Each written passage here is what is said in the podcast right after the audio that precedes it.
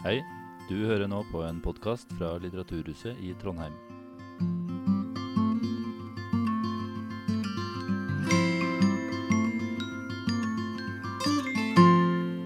Ja, da får jeg klarsignal. Jeg vil ønske hjertelig velkommen til Litteraturhuset i Trondheim og Sellandrå. Eh, Mitt navn er Trond Aam, jeg er leder for Litteraturhuset og har da den glede å ønske velkommen til kveldens gjest, som er eh, forfatteren Ulrik Eriksen. Han er invitert hit for å snakke om ei bok som, eh, som kom i fjor, nemlig den her, 'Et land på fire hjul'. Hvordan bilen erobret eh, Norge. Eh, Du har vel vært eh, på besøk her under Sakprosafestivalen for et par år siden også, for å snakke om samme bok, men da hadde den ikke kommet til ennå. Da var den ikke helt ferdig. Nå får du anledning til å snakke om den, og vi legger det opp sånn at det først blir et foredrag med Ulrik Eriksen som varer en ca. 30 minutters tid. Så tar vi en eh, kort eh, pause hvor det er mulighet til å kjøpe eh, forfriskninger i, i baren eller gjøre noe annet. Og så setter vi i gang igjen med en liten samtale etterfulgt av spørsmål fra, fra salen. Og nå strømmes jo arrangementet. Pga. koronabegrensningene så, så har vi fortsatt ikke mulighet til å sende rundt eh, håndholdt mikrofon. Så, så spørsmålsrunden den blir forbeholdt de som, eh, som er til stede her i dag, for da kuttes eh, strømmen. Men uh, ellers så blir eh, arrangementet direkte overført. Eh, Jeg vil også, minne om at det er fint at alle overholder eh, smittevernbegrensningene og bruker eh, munnbind når man beveger seg rundt eh, bordene. Og ellers er det toalett i, i eh, kjelleren. Eh, så med det eh, så tror jeg egentlig at eh, jeg vil eh, ønske deg hjertelig velkommen, Ulrik Eriksen, og gi ordet til deg. Så vær så god. Takk for det. Um, ja, jeg fikk invitasjonen og egentlig også temaet servert. hvordan bilen erobret Trondheim. så jeg, tenkte det må jeg prøve å finne ut av. um, jeg har skrevet om det i boken òg, men eh, kanskje ikke fullt så spesifikt som eh, Trondheim. Jeg skriver mye i boken om eh, eh, norske byområder generelt, men, eh, og en del om Trondheim. Men eh, kanskje ikke nok til å holde et helt foredrag, så da så får vi se om jeg har det nå, da. Jeg tenkte jeg skulle begynne med i dag. Jeg husker ikke helt når dette bildet er fra, men det er ganske nylig. I hvert fall innenfor de siste ti år.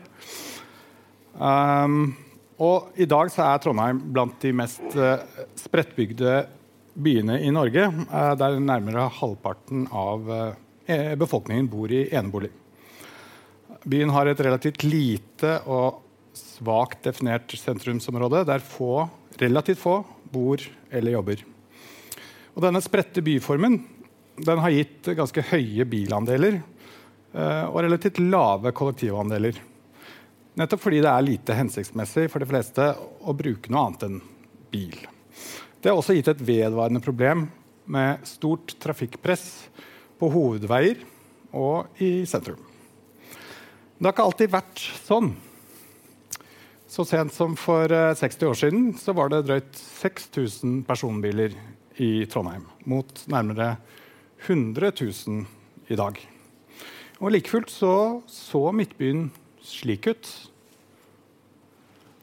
Dette er fra 1961. Og selv om det alltid, selvsagt ikke alltid så slik ut, eh, så er bildet talende. Det illustrerer hvor få biler som skal til for å lage trafikkaos i en tett by. Slik viser den eh, noe som både de fleste som kjemper for bilen og mot bilen, alltid har visst. Hvor lite egnet bilen er i en tett by. Den er for lite effektiv, den tar for mye plass, og byen er ikke skapt for bilbruk. Fortauene er for smale, gatene for trange, det er for mange kryss og uoversiktlige områder. Så hva skal man velge? Bilen eller byen? Og hvem skal få ta dette valget? Fotgjengerne eller bilistene?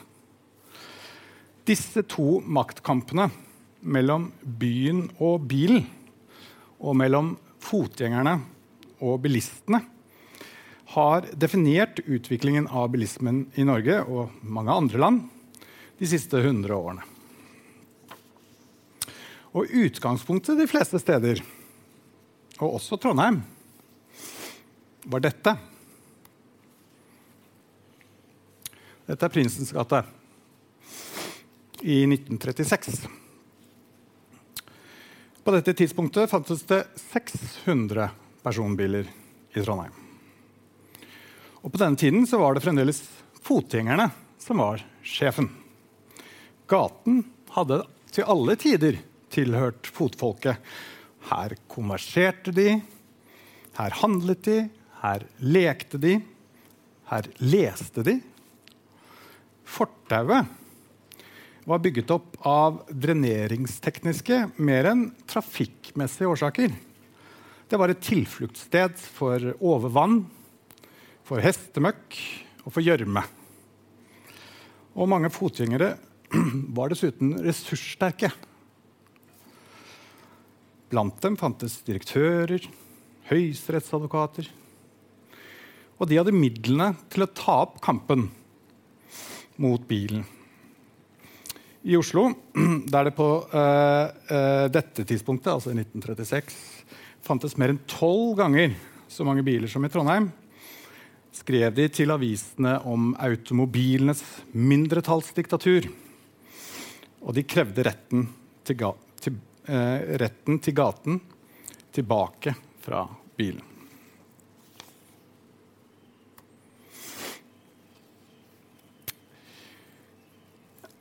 Dette er et gatehjørne i Trondheimsveien eh, på Grünerløkka i Oslo. Um, så jeg vil at dere skal se for dere Dette bildet er tatt uh, i 1925. Men jeg vil at dere skal se for dere dette gatehjørnet, og det er en vinterdag i 1920. Det ser omtrent sånn ut, bare at det er eh, snø. Det er en søndagsstille formiddag i februar. Det er snødd mye, og bakken er helt kledd i hvitt. Og på fortauet utenfor dette apoteket sitter en fem år gammel gutt på en kjelke. Han har ryggen mot veien og ansiktet mot butikkdøren og venter på den to år eldre broren sin, som er inne på apoteket for å kjøpe medisiner til mor. Plutselig så kommer det en bil i full fart. Kjøretøyet får en skrens på glatta og skjener inn på fortauet, der den treffer femåringen på kjelken med stor kraft i bakhodet. Bremsesporene slutter 15 meter etter treffstedet, og gutten dør momentant. I rettssaken noen måneder senere var sjåføren tiltalt for uaktsomt drap.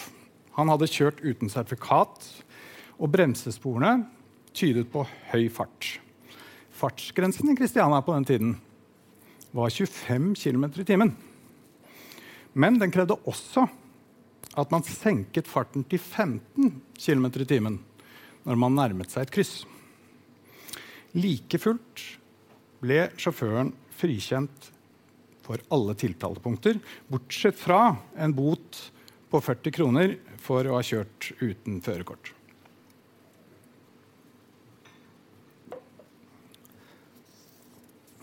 Dommen skapte en viss oppsikt.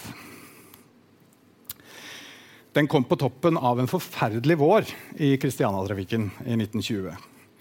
Eh, åtte fotgjengere var drept i løpet av noen få måneder. Og dette året var i ferd med å bli et annus horribilis for bilen.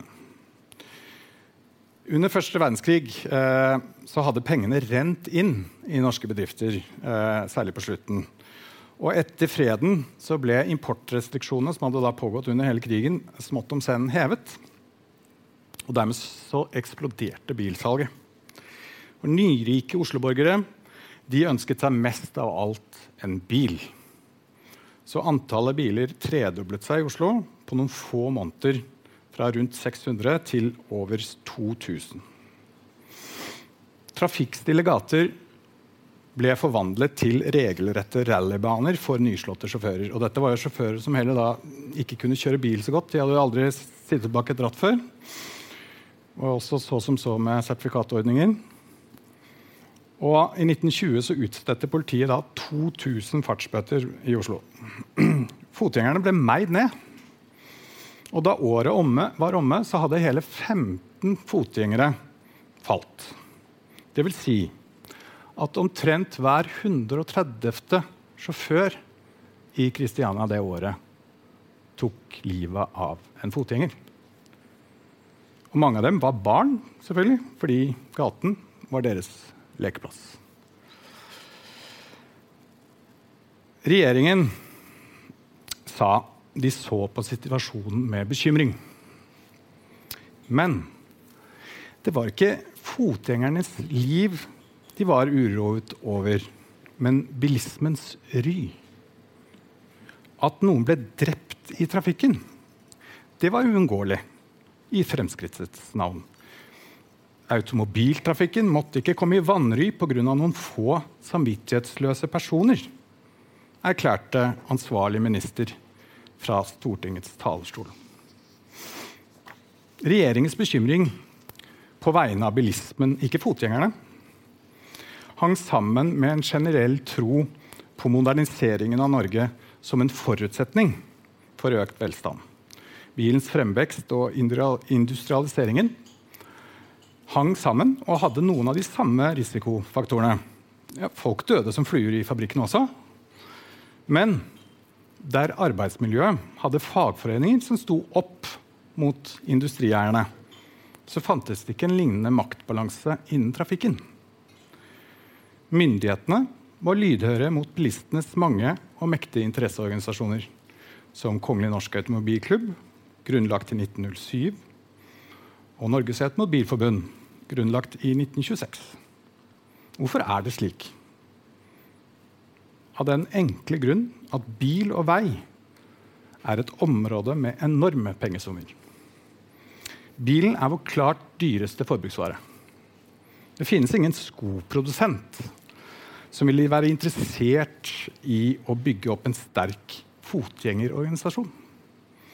Men bil, olje, forsikring, vei representerer enorme verdier som politikerne nødvendigvis lytter til. Bilorganisasjonene lyktes å snu samtidens syn på bilen fra dyp skepsis til om ikke omfavnelse, så i hvert fall en aksept for at bilen var altfor viktig til å reguleres strengt. Og dette skjedde i en tid der 99,9% av befolkningen ikke kjørte bil. Og der det nettopp var disse som ble påkjørt. Drept eller jagd ut av byens gater. Særlig mektig, i hvert fall i forhold til antall medlemmer, var KNA, altså Kongelig norsk automobilklubb. Klubben var etablert etter mønster av britiske eliteklubber med høy innmeldingsavgift og årskontingent og krav til invitasjon fra andre medlemmer for å kunne bli medlem selv. Og da kong Haakon ble medlem i 1913, ble han høy beskytter, og klubben kunne kalle seg kongelig. Håkon var selv en entusiastisk sjåfør, opptatt av å fremme bilen og motvirke det han kalte antipatier i befolkningen. Han deltok på debattmøter og snakket opp bilens sak. Kongens rolle i å gi bilen legitimitet i denne perioden kan vanskelig overdrives.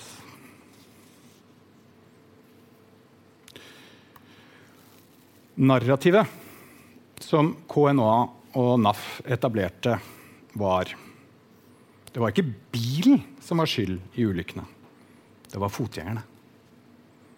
De vimset rundt uten trafikkultur og forståelse for hvilken fare de satte seg selv i. De måtte snarest opp på fortauet, og politiet måtte kommandere dem opp på stadig trangere fortau. Og det ble straffbart å krysse gaten utenom ved kryss. Og her ser vi en orkdøling på bytur i Trondheim som blir tilsnakket av politiet eh, i 1949. Nye lover og reguleringer kom. Disiplinerende såkalte trafikkuker ble innført. Der man lærte å være fotgjenger og lærte seg å passe seg for bilene. Å være uoppmerksom fotgjenger det var å være bondsk. Å være mot bilen, det var å være engstelig for fremskrittet.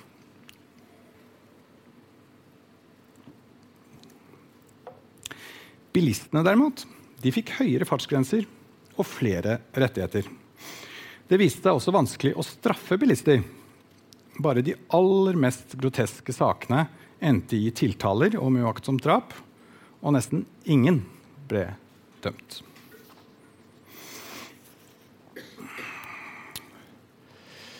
Krigen satte bilismens fremvekst på pause i Norge. Men fra midten av 50-tallet så vokser bilparken igjen. Og nå også utenfor østlandsområdet, hvor det først og fremst har vært bilvekst i mellomkrigstiden. Og selv om bilen rundt 1960 Dette er fra 1955 Eh, og selv om bilen rundt 1960 er milevis fra å være allemannseie, og selv om bilen så åpenbart passet dårlig inn i byen, var svarene på de to spørsmålene jeg stilte i begynnelsen av foredraget her, på dette tidspunktet allerede besvart. Hva skal vi velge? Bilen eller byen? Og hvem skal få ta dette valget? Fotgjengerne eller bilistene? Det var bilistene som fikk velge, og de valgte nødvendigvis bilen fremfor byen. Så derfor måtte en ny type by etableres på bilens premisser. Og inspirasjonen kom, som så mye annet, fra USA.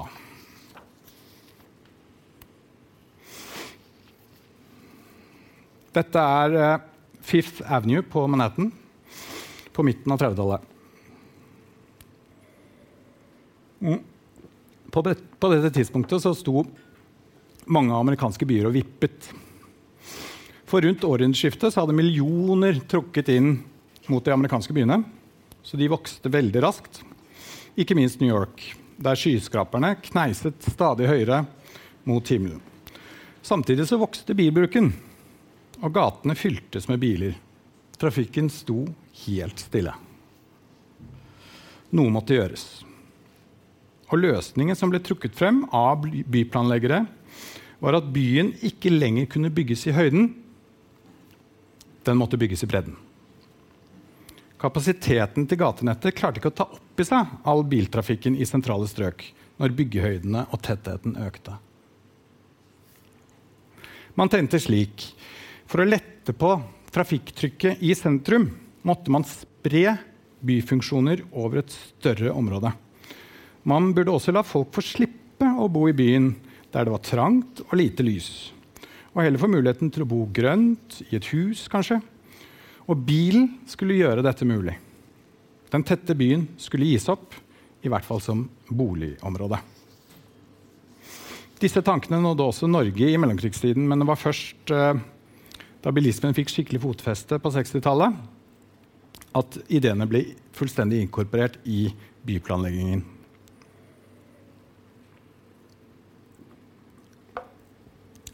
Og det var særlig to arkitekter utdannet her i Trondheim med NTH som sto i bresjen for den desentraliserte byen fra og med 1960 og utover. Per Andersson og Tor Sjånes. Sistnevnte sønn av mangeårig Ap-ordfører i Trondheim, Ivar Sjånes. De startet konsulentselskapet Andersson og Sjånes i 1962, som i dag kjennes som Asplan Viak, et av Norges største konsulentkontorer innen planlegging. Og dette selskapet fikk raskt kontrakter med alle Norges største byområder på 60-tallet.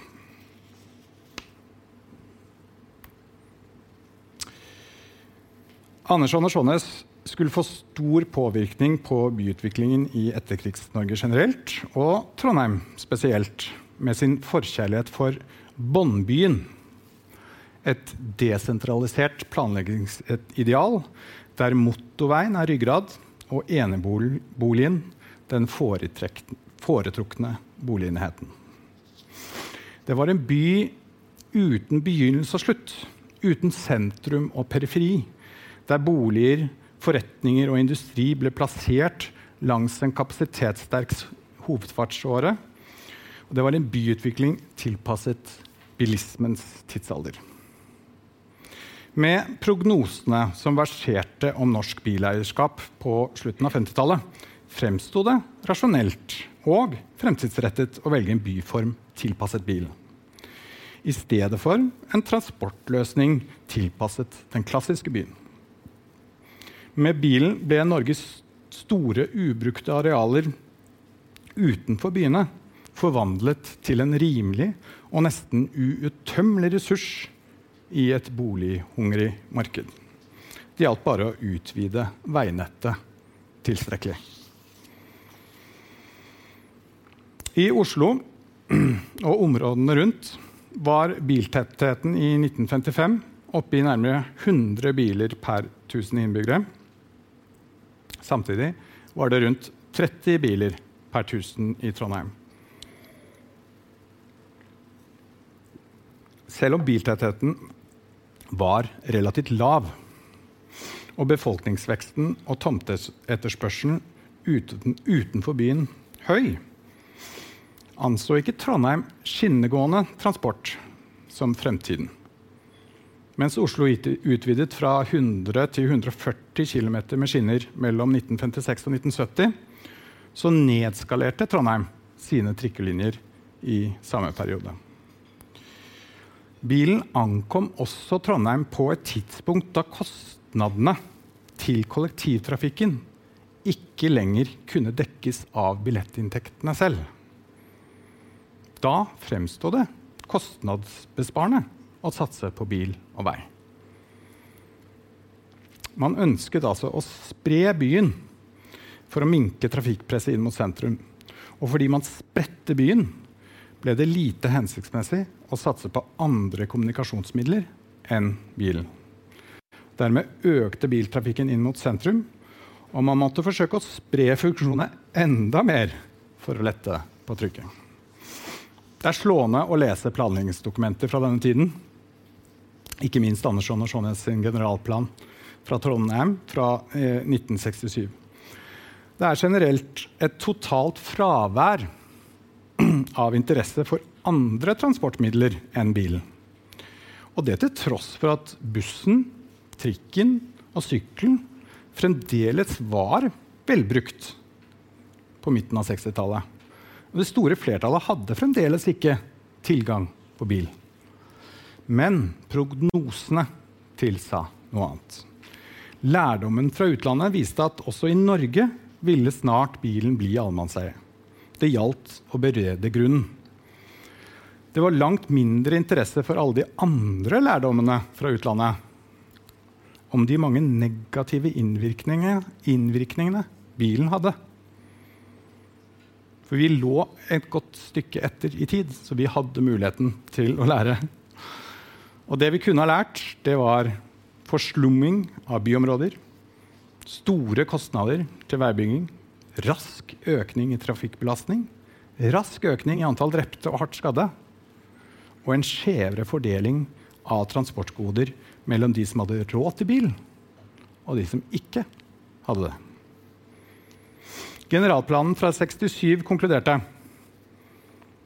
Det synes derfor som det vanskelig kan tenkes at et kollektivsystem kan konkurrere med bilen. Og det var litt spikeren i kista.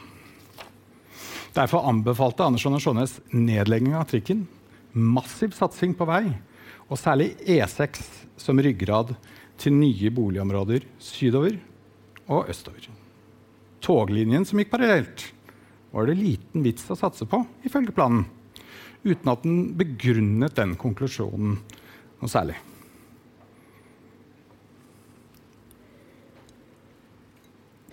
Valget mellom skinner og bane eller vei og buss kan synes som en teknisk bagatell. En ressurseffektiviserende og rent budsjettmessig avveining. Men å droppe skinnegående transport har stor betydning for byutviklingen. Spor innebærer en forpliktelse, en langsiktig investering i byens transportbehov, uavhengig av veitrafikken. Buss er mer kortvarig, kan enkelt sløyfes uten de helt store avskrivningene, og er dessuten avhengig av den samme infrastrukturen som bilene benytter. Med bilen kunne vi slippe å bo i byen og heller bo i vårt naturlige habitat, tenkte man på 60-tallet. Bygda. Med et godt utbygd motorveissystem ville ikke lenger arbeidsreiser nødvendigvis bety lengre arbeidsreiser nødvendigvis bety økt reisetid.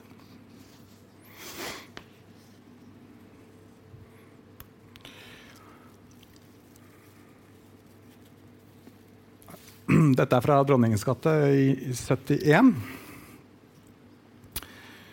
Selv om generalplanen fra 1967 staket ut en retning for Trondheim, var det ingen selvfølge at byen måtte følge den. Like fullt så var det i områder langt utenfor sentrum at boligbyggingen og byutviklingen foregikk fra slutten av 60-tallet og fremover.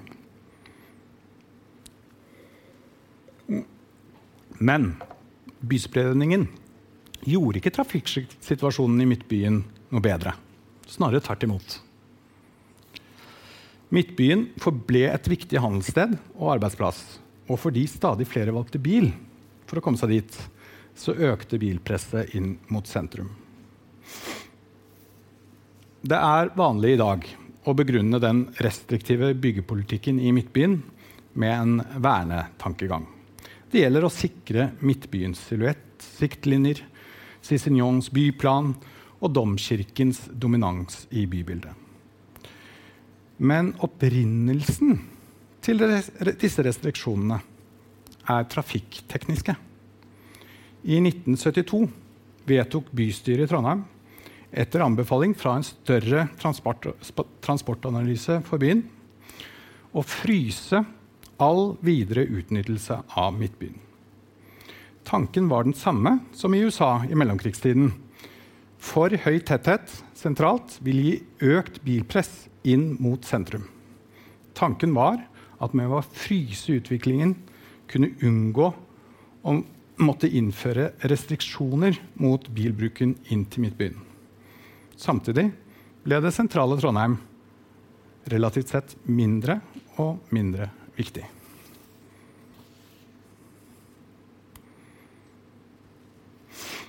Dette er fra byggingen av E6 ved Sluppen i 1982.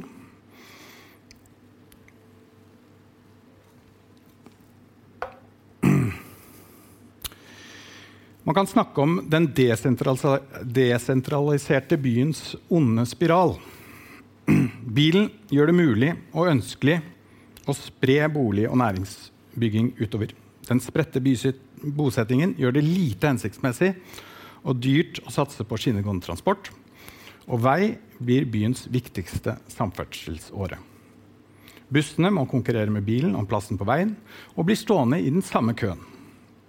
Det gjør at kollektivtrafikken blir stadig dyrere, for tid er en spesielt stor kostnad for buss pga. lønnsutgifter og behov for mer materiell. Og dermed blir kollektivtrafikken også mindre konkurransedyktig. Stadig flere velger bil, og det gjør at mer av samferdselsmidlene vris fra kollektiv og over på vei.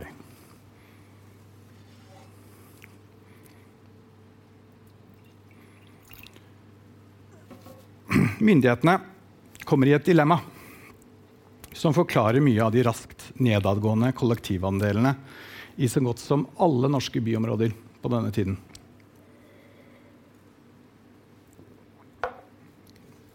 En bedring av den kollektive transportstandard vil øke antall reiser, men dermed også øke tilskuddsbehovet. Det fremsto dermed dobbelt lønnsomt å ikke satse på kollektivtransport. Det var egentlig ingen oppsider. Dette paradokset sliter Trondheim og mange andre byer med fortsatt.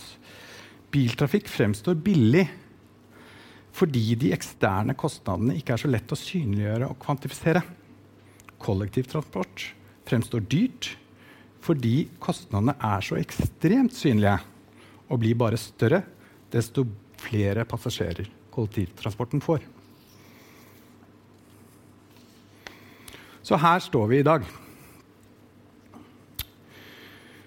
Og dette er noen skilt som ble brukt i forbindelse med en nylig demonstrasjon i Fjordgata i forbindelse med omlegging fra Olav Tryggvasons gate.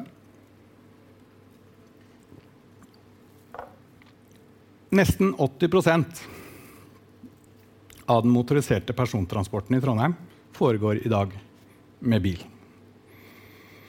Befolkningen er fremdeles spredt, og det er et stort press på å la bilen få relativt fri tilgang til Midtbyen, som denne demonstrasjonen viser. Øke antall parkeringsplasser og utvide innfartsårene. Busser står mye i kø.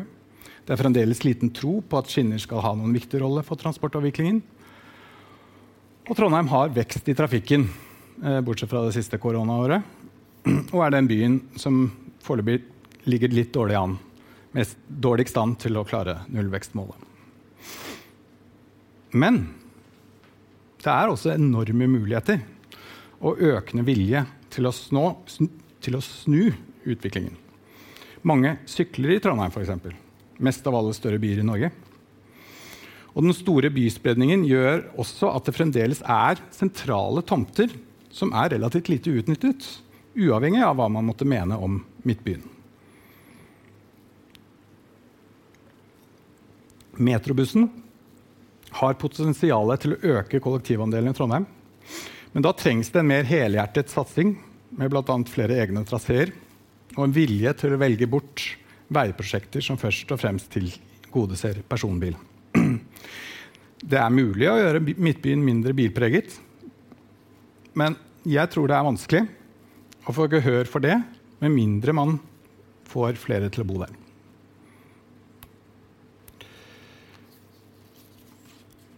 Byen, byene har generelt i Vest-Europa og USA opplevd en renessanse i i hele den siste 10-15-20 årene. Flere ønsker å bo sentralt for å ha kort vei til et stort tilbud uten å være avhengig av bil. Og når flere ressurssterke flytter ut av forstaden og inn mot sentrum, så endres også måten beslutningstakerne tenker. For blikket du har på byen og trafikken som forstadsbeboer, er et helt annet enn om du bor i den tette byen. For, for forstadsbeboere er gaten en gjennomfartsåre. En vei du skal komme deg raskest mulig gjennom med færrest mulig stopp og hindringer. For byboere er det omvendt. Gaten er et sted der du vil ha færrest mulig biler, som kjører saktest mulig, og som må stoppe for deg. Bor du i, bor du i byen, er ikke gaten en gjennomfartsvei. Den er et oppholdsrom.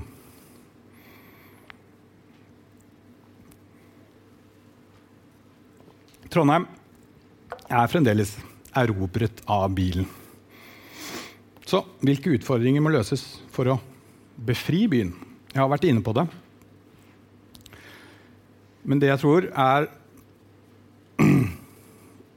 utfordringene, De største utfordringene er fremdeles spredt bosetting, som gjør det veldig hensiktsmessig for mange å bruke bil. Det er en mangelfull utnyttelse av jernbanen fremdeles.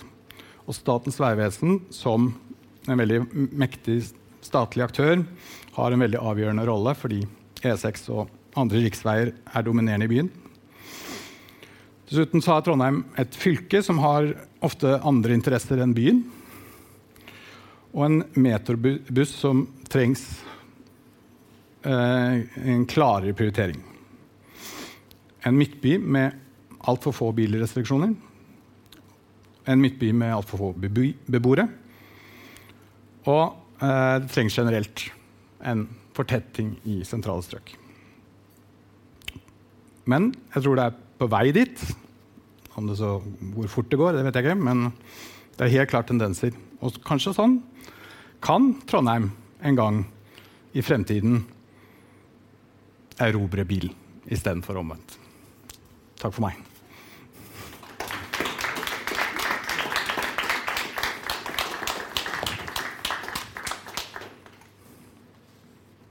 Tusen hjertelig takk for det, Ulrik Eriksen. Eh, da tar vi eh, ti minutters eh, pause eh, til kvart over åtte. Eh, så tar vi opp tråden der hvor du slapp den nå. Hvordan, hvordan, skal vi løse denne floken for framtidas Trondheim? Det vil også da etter hvert bli mulighet til å stille spørsmål, så det kan dere også begynne å pønske på allerede nå. Så da om ti minutter. Det er også mulighet til å få kjøpe boka hvis det er noen som har lyst til det. Da ses vi om ti minutter. Ja, da um, tror jeg vi kan uh, begynne igjen. Så takk igjen Ulrik Eriksen for et interessant uh, foredrag. Uh, spesielt tilpassa oss her i Trondheim, men med mange av de samme problemstillingene som, som boka her handler om, da, som egentlig er felles for alle større byer i, i Norge, siden bilen kom da, for, for, godt over 100 år siden. Uh, altså nå er jo Problemstillinga også særlig relevant i Trondheim. fordi Om to dager så skal bystyret i Trondheim ta stilling til, til to av de sakene som kanskje har, uh, har størst betydning uh, i inneværende bystyreperiode, i hvert fall, nemlig grønn strek og utbyggingsrekkefølge, som, som kanskje er de største forsøkene på, på, å reversere mange av de der utviklingstendensene som du skriver om i, i boka her. Og, og du har jo Eh, på tampen av foredraget her også skissert noen sånn mulige eh, løsninger for, eh, for veien Trondheim kan gå. Jeg hørte nesten sånn antydningsvis at du foreslo å legge ned fylkeskommunen også. jeg, er, altså, jeg, er veldig glad for å bo i en by hvor man ikke må slite med fylkeskommune i tillegg. Liksom. Altså, det er nok av instanser man skal liksom, forholde seg til. om ikke man må ha det i tillegg. Ja, nei, så det Ja. ja. Misunner ikke Trondheim det. Eh, men eh, altså, hva, altså, det er jo en bok som altså, Mye av den er jo en historisk gjennomgang av, av, liksom den tidlige bilismen. Og det er jo både morsomt og litt sånn tragisk å lese om de barna som du nevnte i, i foredraget, og liksom, de kaotiske tilstandene og det er nesten litt sånn Uh, ja, de der merkelige aktørene for de der bilorganisasjonene. Men så strammes jo grepet til etter hvert med ja, både sånn, de store byplansjefene og reguleringsregimer og, uh, og en periode på 60-tallet hvor, hvor, det virker som om bilen er egentlig nærmest en sånn, uh, en sånn guddom. Men altså, hvor, hvor, hvor, ser du politikerne oppi, oppi alt det her? Ja, Nei, det er jo et godt poeng. Altså, jeg skriver nesten ikke om politikk. jeg skriver jo egentlig nesten bare om byråkrater og, og teknokrater. Og, uh, og, det kan man jo selvfølgelig lure litt på. Hvor er det politikerne blir av?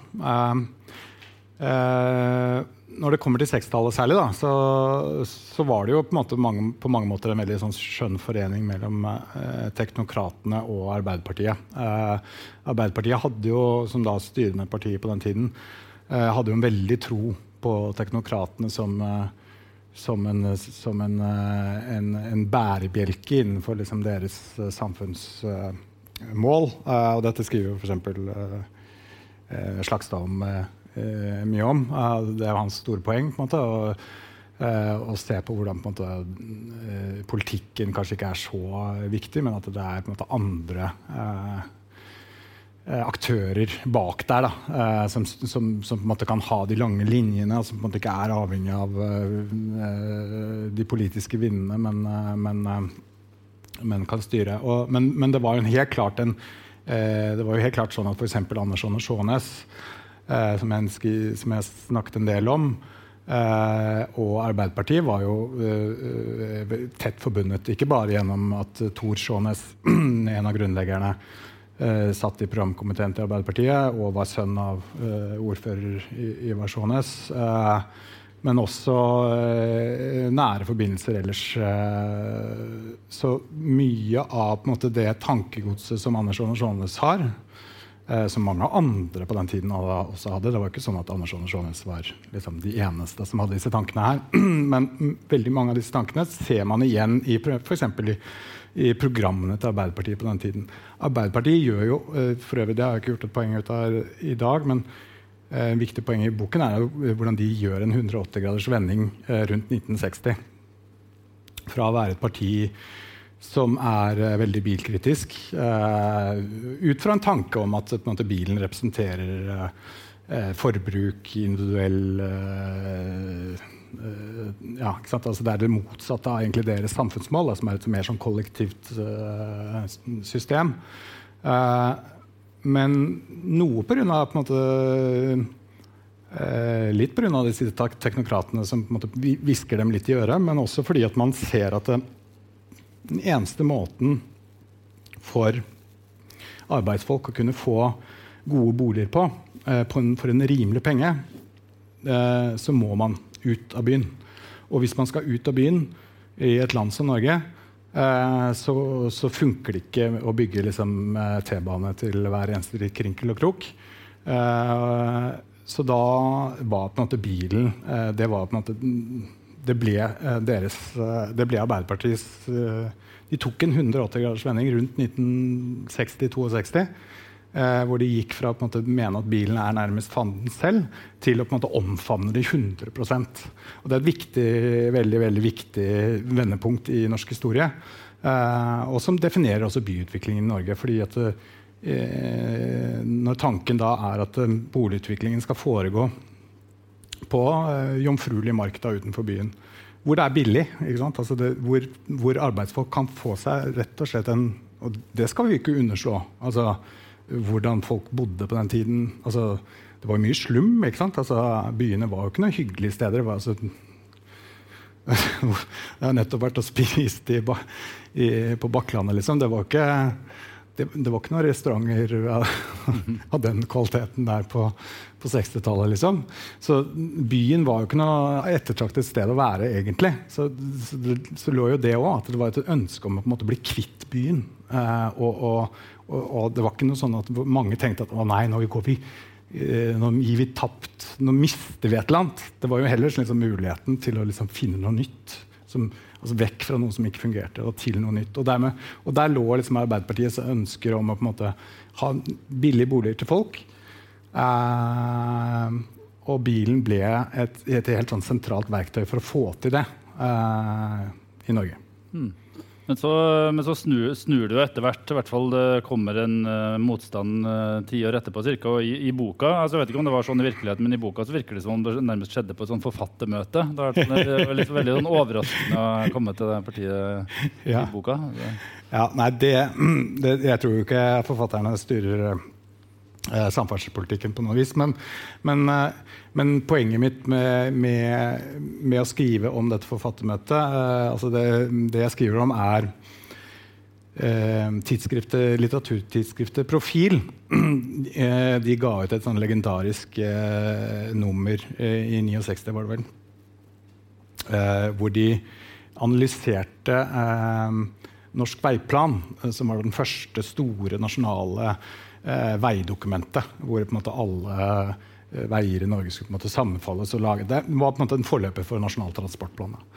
Eh, eh, og eh, disse radisene i profil de, de, så det for seg at de, at de vil prøve å analysere denne veiplanen eh, ut fra en sånn tankegang om at liksom, dokumentarlitteraturen uh, var verdt å analysere, og at det lå ting der som var spennende. som var en veldig sånn nytenkning.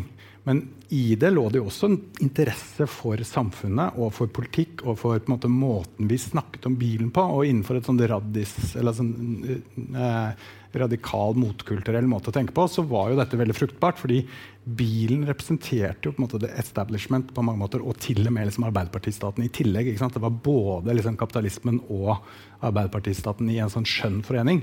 Det er jo et sånn egnet materiale for å prøve å kritisere. Da, for det var jo en sånn vegg ikke sant?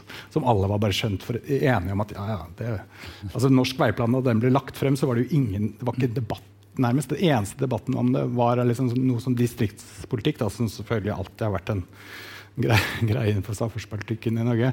Men bortsett fra det så var alle skjønt enige om at disse Norsk veiplan var et veldig fornuftig dokument. Men så kommer jo disse uh, profil og liksom og vise hvordan språket i veiplanen er, eh, tilhører på en måte en, eh, en naturalisering av bilen og en, på en, en, en måte å, å, ideologisere ting på en måte som på en måte fremstår veldig sånn rasjonelt, men som egentlig på en måte har masse ideologi bak seg. Da. Så Det var et sånt forsøk på å vise denne ideologien som ligger i bilismen.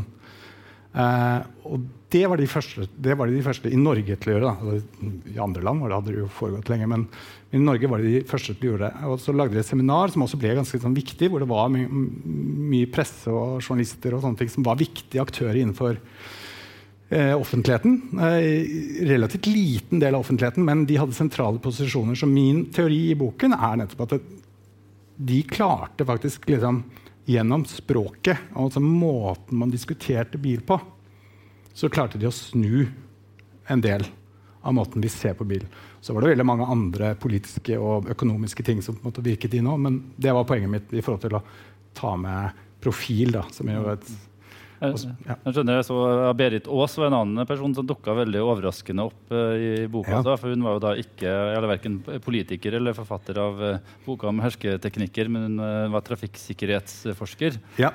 ja. Hun jobbet for Transportøkonomisk institutt i flere år som sosialpsykolog. Og, og var den en av de første som på en måte var oppriktig interessert i hvordan barn, særlig, da, og kvinner Eh, ble eh, på en måte eh, oversett i trafikken. Altså i planleggingen og måten man på en måte styrte eh, trafikken. Fordi de som bestemte, det var jo menn på 50, det. ikke sant? Altså de, hadde jo, de var antakeligvis knapt, knapt, hjemme hos familien sin.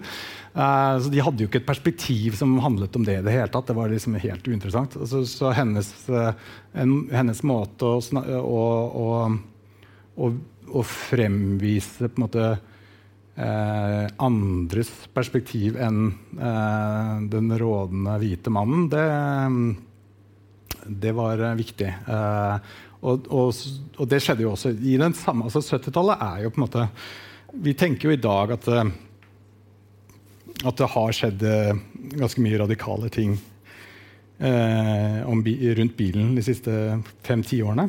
Og når jeg har holdt på med dette bokprosjektet, så er det liksom sånn, ja, fanken, det er kjempebra timing. Nå, er, nå, skjer det ting. og det er liksom, bilen er litt sånn. Og det er jo sant. Men 70-tallet da snakker vi liksom tiår hvor det var uh, ordentlig liksom, Og et mye klarere og mye mer dramatisk sånn, brudd. da. Um, både sånn eh, hvordan man tenkte eh, Hvordan man skulle løse bilen i byen, men også hvordan man skulle forholde seg til kollektivtransport og eh, alle mulige sånn prioriteringer. Og ble jo vedtatt en god del sånne samferdselsplaner rundt omkring, eh, bl.a. både i Bergen og, og, Oslo og Trondheim, hvor ja, Ikke så mye Trondheim, for den transportanalysen var jo litt sånn 60-tallsaktig. Altså. Men eh, men uh, særlig i Oslo så hadde de jo en samferdselsplan som ble vedtatt i 1980 etter lang behandling utover på 70-tallet. Og den er så radikal, den, når man leser den i dag. Altså, den er sånn uh, 90% av budsjettet skulle gå til alt annet enn vei. Altså, er, og den, var, den, hadde flertall. Til og med liksom, Høyre stemte ikke for, da, men, men, det var det også det eneste partiet som ikke stemte for. Så det var, liksom, det var, eh, det var ganske sånn bred enighet på 70-tallet om at noe måtte gjøres. Uh, og så kom på en måte kontrarevolusjonen. Ja, ja, for du skriver, du skriver jo at på 70 det, var ikke bare den, altså den uh, alliansen som vi tenker på når vi tenker på opprøret på Bakklandet, sånn at det er studenter og beboere og, og venstresida, men det var også en del sånn kulturkonservative Høyre som, som, var med på en del av de motkuttene ja. på 70-tallet? Ja, ja, absolutt. Altså, det, var, det var relativt sånn uh, Uh, gjengs og, og, den verdikonservative delen av Høyre var helt med på det. der. Uh, de hadde jo hele tiden vært ganske skeptiske til bilen. Altså, det lå litt sånn dypt i Høyre. Du kan se at I mellomkrigstiden så er det Høyre er jo et av de partiene som virkelig er mot uh, bilen. I mellomkrigstiden var det jo Venstre som var det store bilpartiet. faktisk. Uh, for de var liksom fremtids... Altså, det var jo teknologi og fremskritt og alt mulig sånn. Uh, mens uh, verdikonservative Høyre, høyre syntes at det der var litt skummelt. Dessuten så var jo Høyre også et sånt Ja, det blir en digresjon, men de var jo også et parti som var veldig for trikken. Uh, som jo skyldtes at de bodde langs trikkelinjene, uh, hvor det var veldig lukrativt å bo. selvfølgelig. Mm. Men det er en annen, annen ting. Nei, men altså, På 70-tallet var, var, det bredt. Eh, det var et klart liksom, Det startet, og det var en veldig viktig del av motkulturen og hele liksom, Radis-greia. Og, og, en del av miljøkampen, selvfølgelig, som også begynte så vidt på 70-tallet. Uh, uh, I tillegg til at oljekrisen kom i 73 som en sånn ekstra liksom, uh, dytt. så det var flere ting som på en måte gjorde det.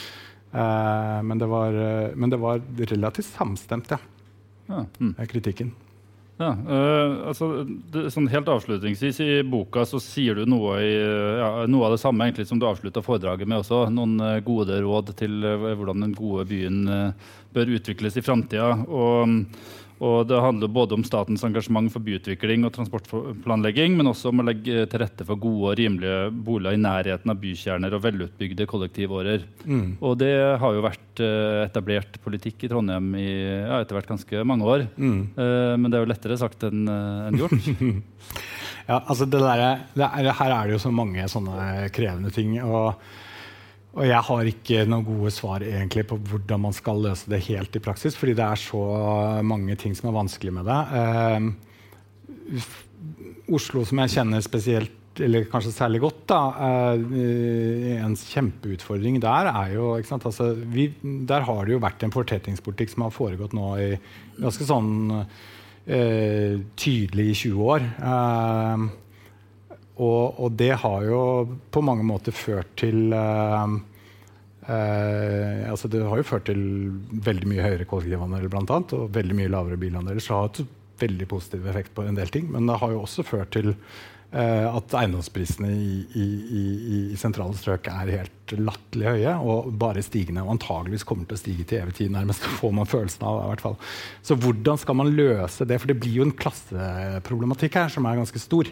Fordi det, det er enkelt for oss uh, som bor sentralt, uh, å si at alle må sykle og gå eller ta kollektiv. Men for de som da er tvunget til å bo utenfor byen fordi det rett og slett er helt økonomisk umulig å bo eh, sentralt. Eh, da får du et problem. For hvis de hele tiden blir tvunget til å kjøre bil og ikke har gode alternativer, eh, og det er for dyrt å lage kollektivtransport til dem, for da, altså, hvordan skal man løse disse tingene? Det er kjempekrevende. Men det som må på plass der, som eh, jeg tror at vi trenger en ny regjering for å få til, det er Eh, et statlig engasjement innenfor byutviklingen som, er, som nå, som nå er utelukkende basert på eh, disse eh, bypakkene. Men, men, men, men, hvor boligbygging eh, kombinert med transport ikke er et element som er reelt til stede. Men det er der kjernen ligger nå. Altså, man må klare å bygge boliger på en måte som er rimelige, relativt rimelige, men har gode kommunikasjoner som ikke er bilbaserte. Uh, og det er dyrt å få til det. Altså det ikke, for du må jo bygge disse linjene, da. Og det koster mye penger. Men det, det kan man ikke liksom overlate til markedet, for da går ikke regnestykket opp. Så man må finne løsninger for det. Hvis ikke så vil denne fortettingspolitikken gjøre at man får sånn ekstreme klassedelte byer. Og, og da blir liksom bompengeopprøret småtterier i forhold. Altså. Det, så det, der må man løse det. Jeg sitter jo også i, by, i, bystyret, så jeg møter jo veldig mange av de der sakene hele tida. Og de der konfliktene. Altså, en ting er det der eplehagefortettinga som skaper mye bråk, men det er også det med høye priser i sentrum, og ikke minst utbyggere som eh, i henhold til dagens regime altså, så, kom, så, regulerer jo de sine tomter og søker kommunen om å få lov til å bygge. Og klimareduksjon er det som står øverst eh, på lista i, i, Trondheim. Og da selges jo de prosjektene inn eh, med at ja, det er ikke måte på hvor klimanøytralt det skal bli der ute, og alle beboerne skal få, få egen elsykkel. Og, mm. Men uh, altså, jeg, jeg, skjønner, jo også at de som flytter dit, ikke, ikke kan unnvære bil. Um. ja. Nei, ikke sant? Hvis man skal bygge sånne områder, så må man Altså, i Oslo hvis vi skal ta det eksempelet igjen da, som er byen jeg kjenner så best, så, så har du jo T-baneutviklingen i Oslo på, på 50-tallet og 60-tallet. Altså, det ble vedtatt i 1954, og det var da ut fra en tankegang om at disse nye områdene i Groruddalen og Østensjø de kom til å være så langt utenfor sentrum at for å for at disse menneskene skulle klare å komme seg på jobb, så måtte de ha eh, en T-bane. Eller en bane, på et eller annet vis. Eh, og det vedtaket eh, ble jo gjort da i 1954. Og hvis det vedtaket hadde blitt utsatt liksom bare eh, noen år, så hadde det antageligvis ikke blitt gjort. fordi at det, bare noen år senere så fremsto plutselig bilen som liksom, selvfølgelig alle kommer til å få seg bil. Det er ikke noe vits å drive og lage en T-bane. Men i dag, liksom Herregud, hvor viktig den T-banen er for Oslo. Og hvor enormt liksom, mye man har fått igjen for det. At det vedtaket ble gjort. Så man kan ikke på en måte helt se for seg heller sånn, hvor viktig sånne infrastrukturting er. da.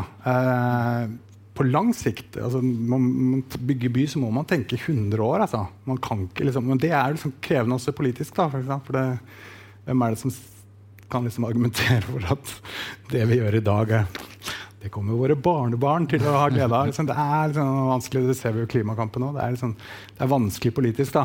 Men jeg tenker at hvis man skal bygge ut nye områder et godt stykke fra byen, så må sånne infrastrukturelementer eh, på plass. Ellers så, eh, så kan man i hvert fall ikke frigjøre seg fra eh, bilen. Og elbil er ikke en løsning her. Det må vi være enige om hvis vi skal ha en, en by som skal fungere. Da. Altså, mindre, man kan jo bygge en bilby. Det kan man jo.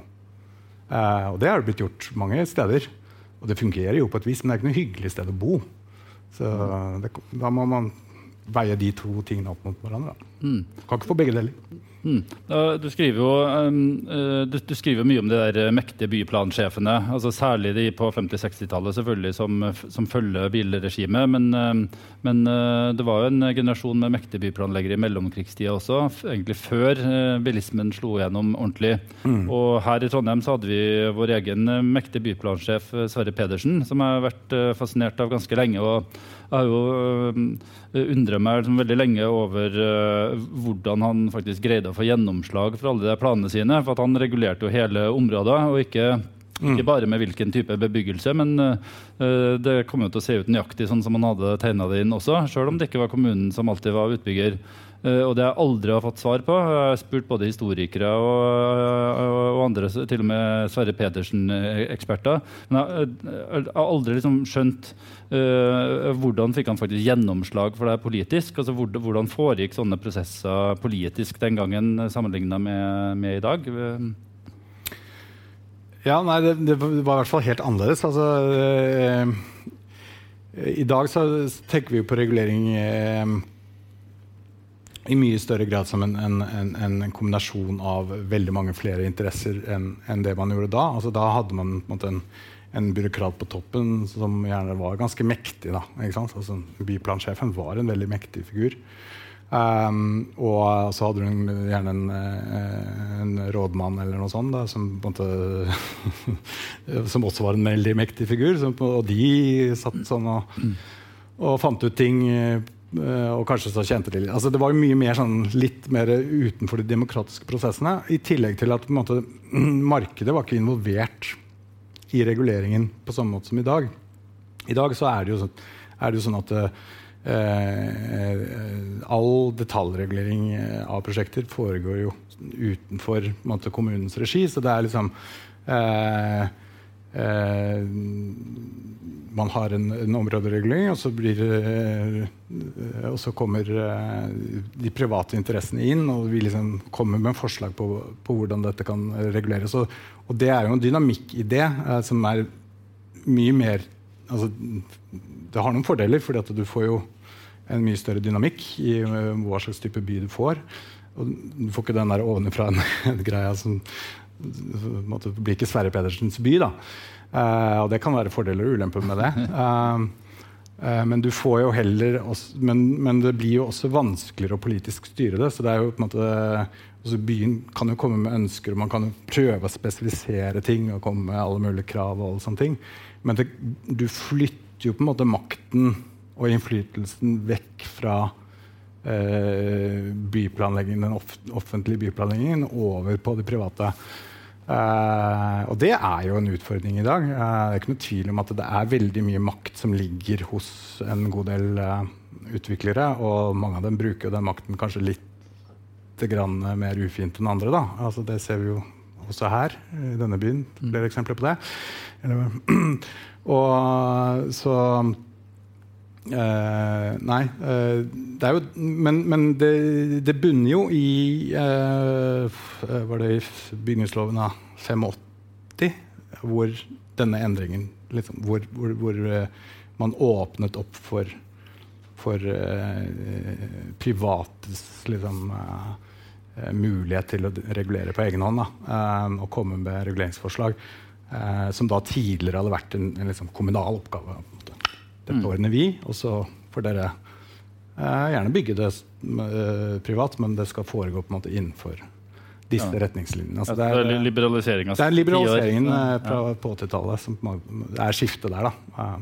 Mm, så, så kan man diskutere om det har vært til det bedre eller ikke. Da. Ja, men Er det mulig å se for seg en annen type regulering hvor uh, hvor eh, det offentlige tar en, en, større andel av det, også i lys av uh, bilpolitikken?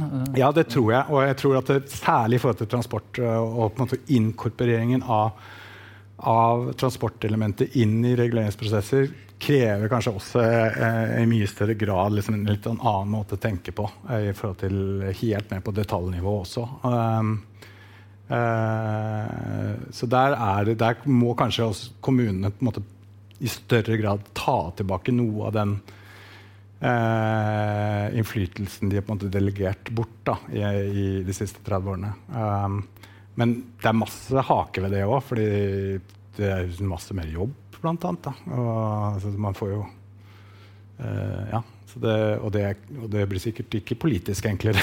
Nei, det var vel grunner til at det ble liberalisert? Ja, det, du slipper uh, unna mye. ikke sant? Du, ah, dere tar dere det. Og så kan vi se om det er ok eller ikke. liksom. Hvordan, eh, altså, når du skriver en sånn type bok som både historisk uh, som, pek, som, som, viser hva slags ideer som lå til grunn, men som samtidig også går ganske grundig inn i i uh, endringen av regimet og sånn. Altså, uh, vinner du en sånn politisk gehør uh, for det? Altså, kan man se for seg at det blir en sånn slags politisk bibel også? ja, men jeg, jeg, har skrevet den ut fra egen interesse, selvfølgelig, og ut fra liksom, ja, nerdeting som jeg er opptatt av. og sånne ting, Men selvfølgelig har jeg skrevet den også for at jeg ønsker at liksom, de som bestemmer det i dette landet, skal lese det og bli bevisste. Og jeg tror at det, Eh, noe av det jeg skriver om, er ikke så godt kjent.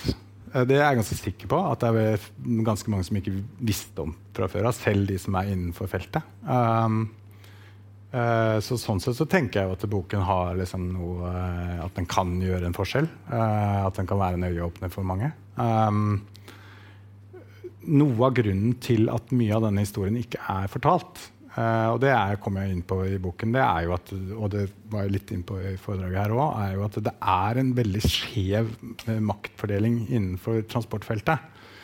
Uh, som skyldes nettopp bilens veldig veldig sterke posisjon økonomisk i samfunnet.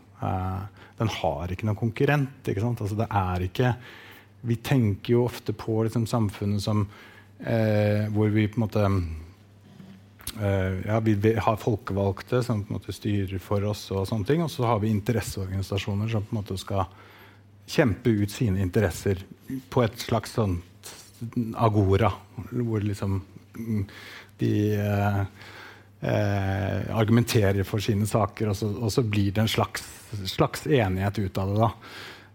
Um, men innenfor transportfeltet, så, så, og det er sikkert andre felt hvor det heller ikke fungerer så bra, men særlig innenfor transportfeltet så har det vært en veldig veldig stor skjevhet der. Fordi bilen har vært så mektig, og den har ikke møtt interesseorganisasjoner fra andre felter som har hatt noe i nærheten av de samme ressursene. Og det kan man jo tenke at politikerne ville være, evnen, altså En av deres oppgaver her i verden er jo nettopp å prøve å kompensere for sånne, for sånne skjevheter i samfunnet. Eh, men der har nok ikke Det er i hvert fall mitt inntrykk. da, eh, er at det er historisk, Og det viser seg jo også i hvordan måte, politikken har måte, blitt utformet. At uh, de har ikke klart å ta høyde for eh, den skjevheten. Og det preger veldig mye av politikkutformingen. Men det preger også det offentlige ordskiftet om bilen og bilens plass i samfunnet. Og det preger også historieskrivingen om det. Og det skriver, preger liksom hvem som er interessert i å skrive om det. Det har jo vært et ganske sterkt faglig miljø her i Trondheim, på NTNU, eh, særlig på 90-tallet, eh, med bilforskning. Eh, og noe andre steder. Men det, har vært, det, er påfallende i forhold til hvor viktig bilen er for norske liksom, samfunnsutvikling de siste 100 år, så er det påfallende hvor lite det har vært skrevet om det. I hvert fall fra en kritisk vinkel. Da. Altså, Statens vegvesen har utgitt alle mulige slags mhm. praktbøker, og, og, som er en slags sånn klapp på skulderen for alt det fantastiske de har klart å få til av ingeniørkunst i høyfjell og osv. Og det er bra, det, altså, men det blir jo på en måte ikke det, det, det, det gir kanskje ikke liksom, det offentlige ordskiftet noe, eh, et nytt gir. da. Nei, jeg tror det, kanskje vi eh, setter strek her. Ja. Eh, tusen hjertelig takk, uh, Ulrik Eriksen. Det, den boka lever jo sitt eget uh, liv, den. Um, uh, vi, jeg tror vi skal åpne for spørsmål fra salen, så vi avslutter for det digitale publikummet. Så da, tusen takk til deg, Ulrik Eriksen.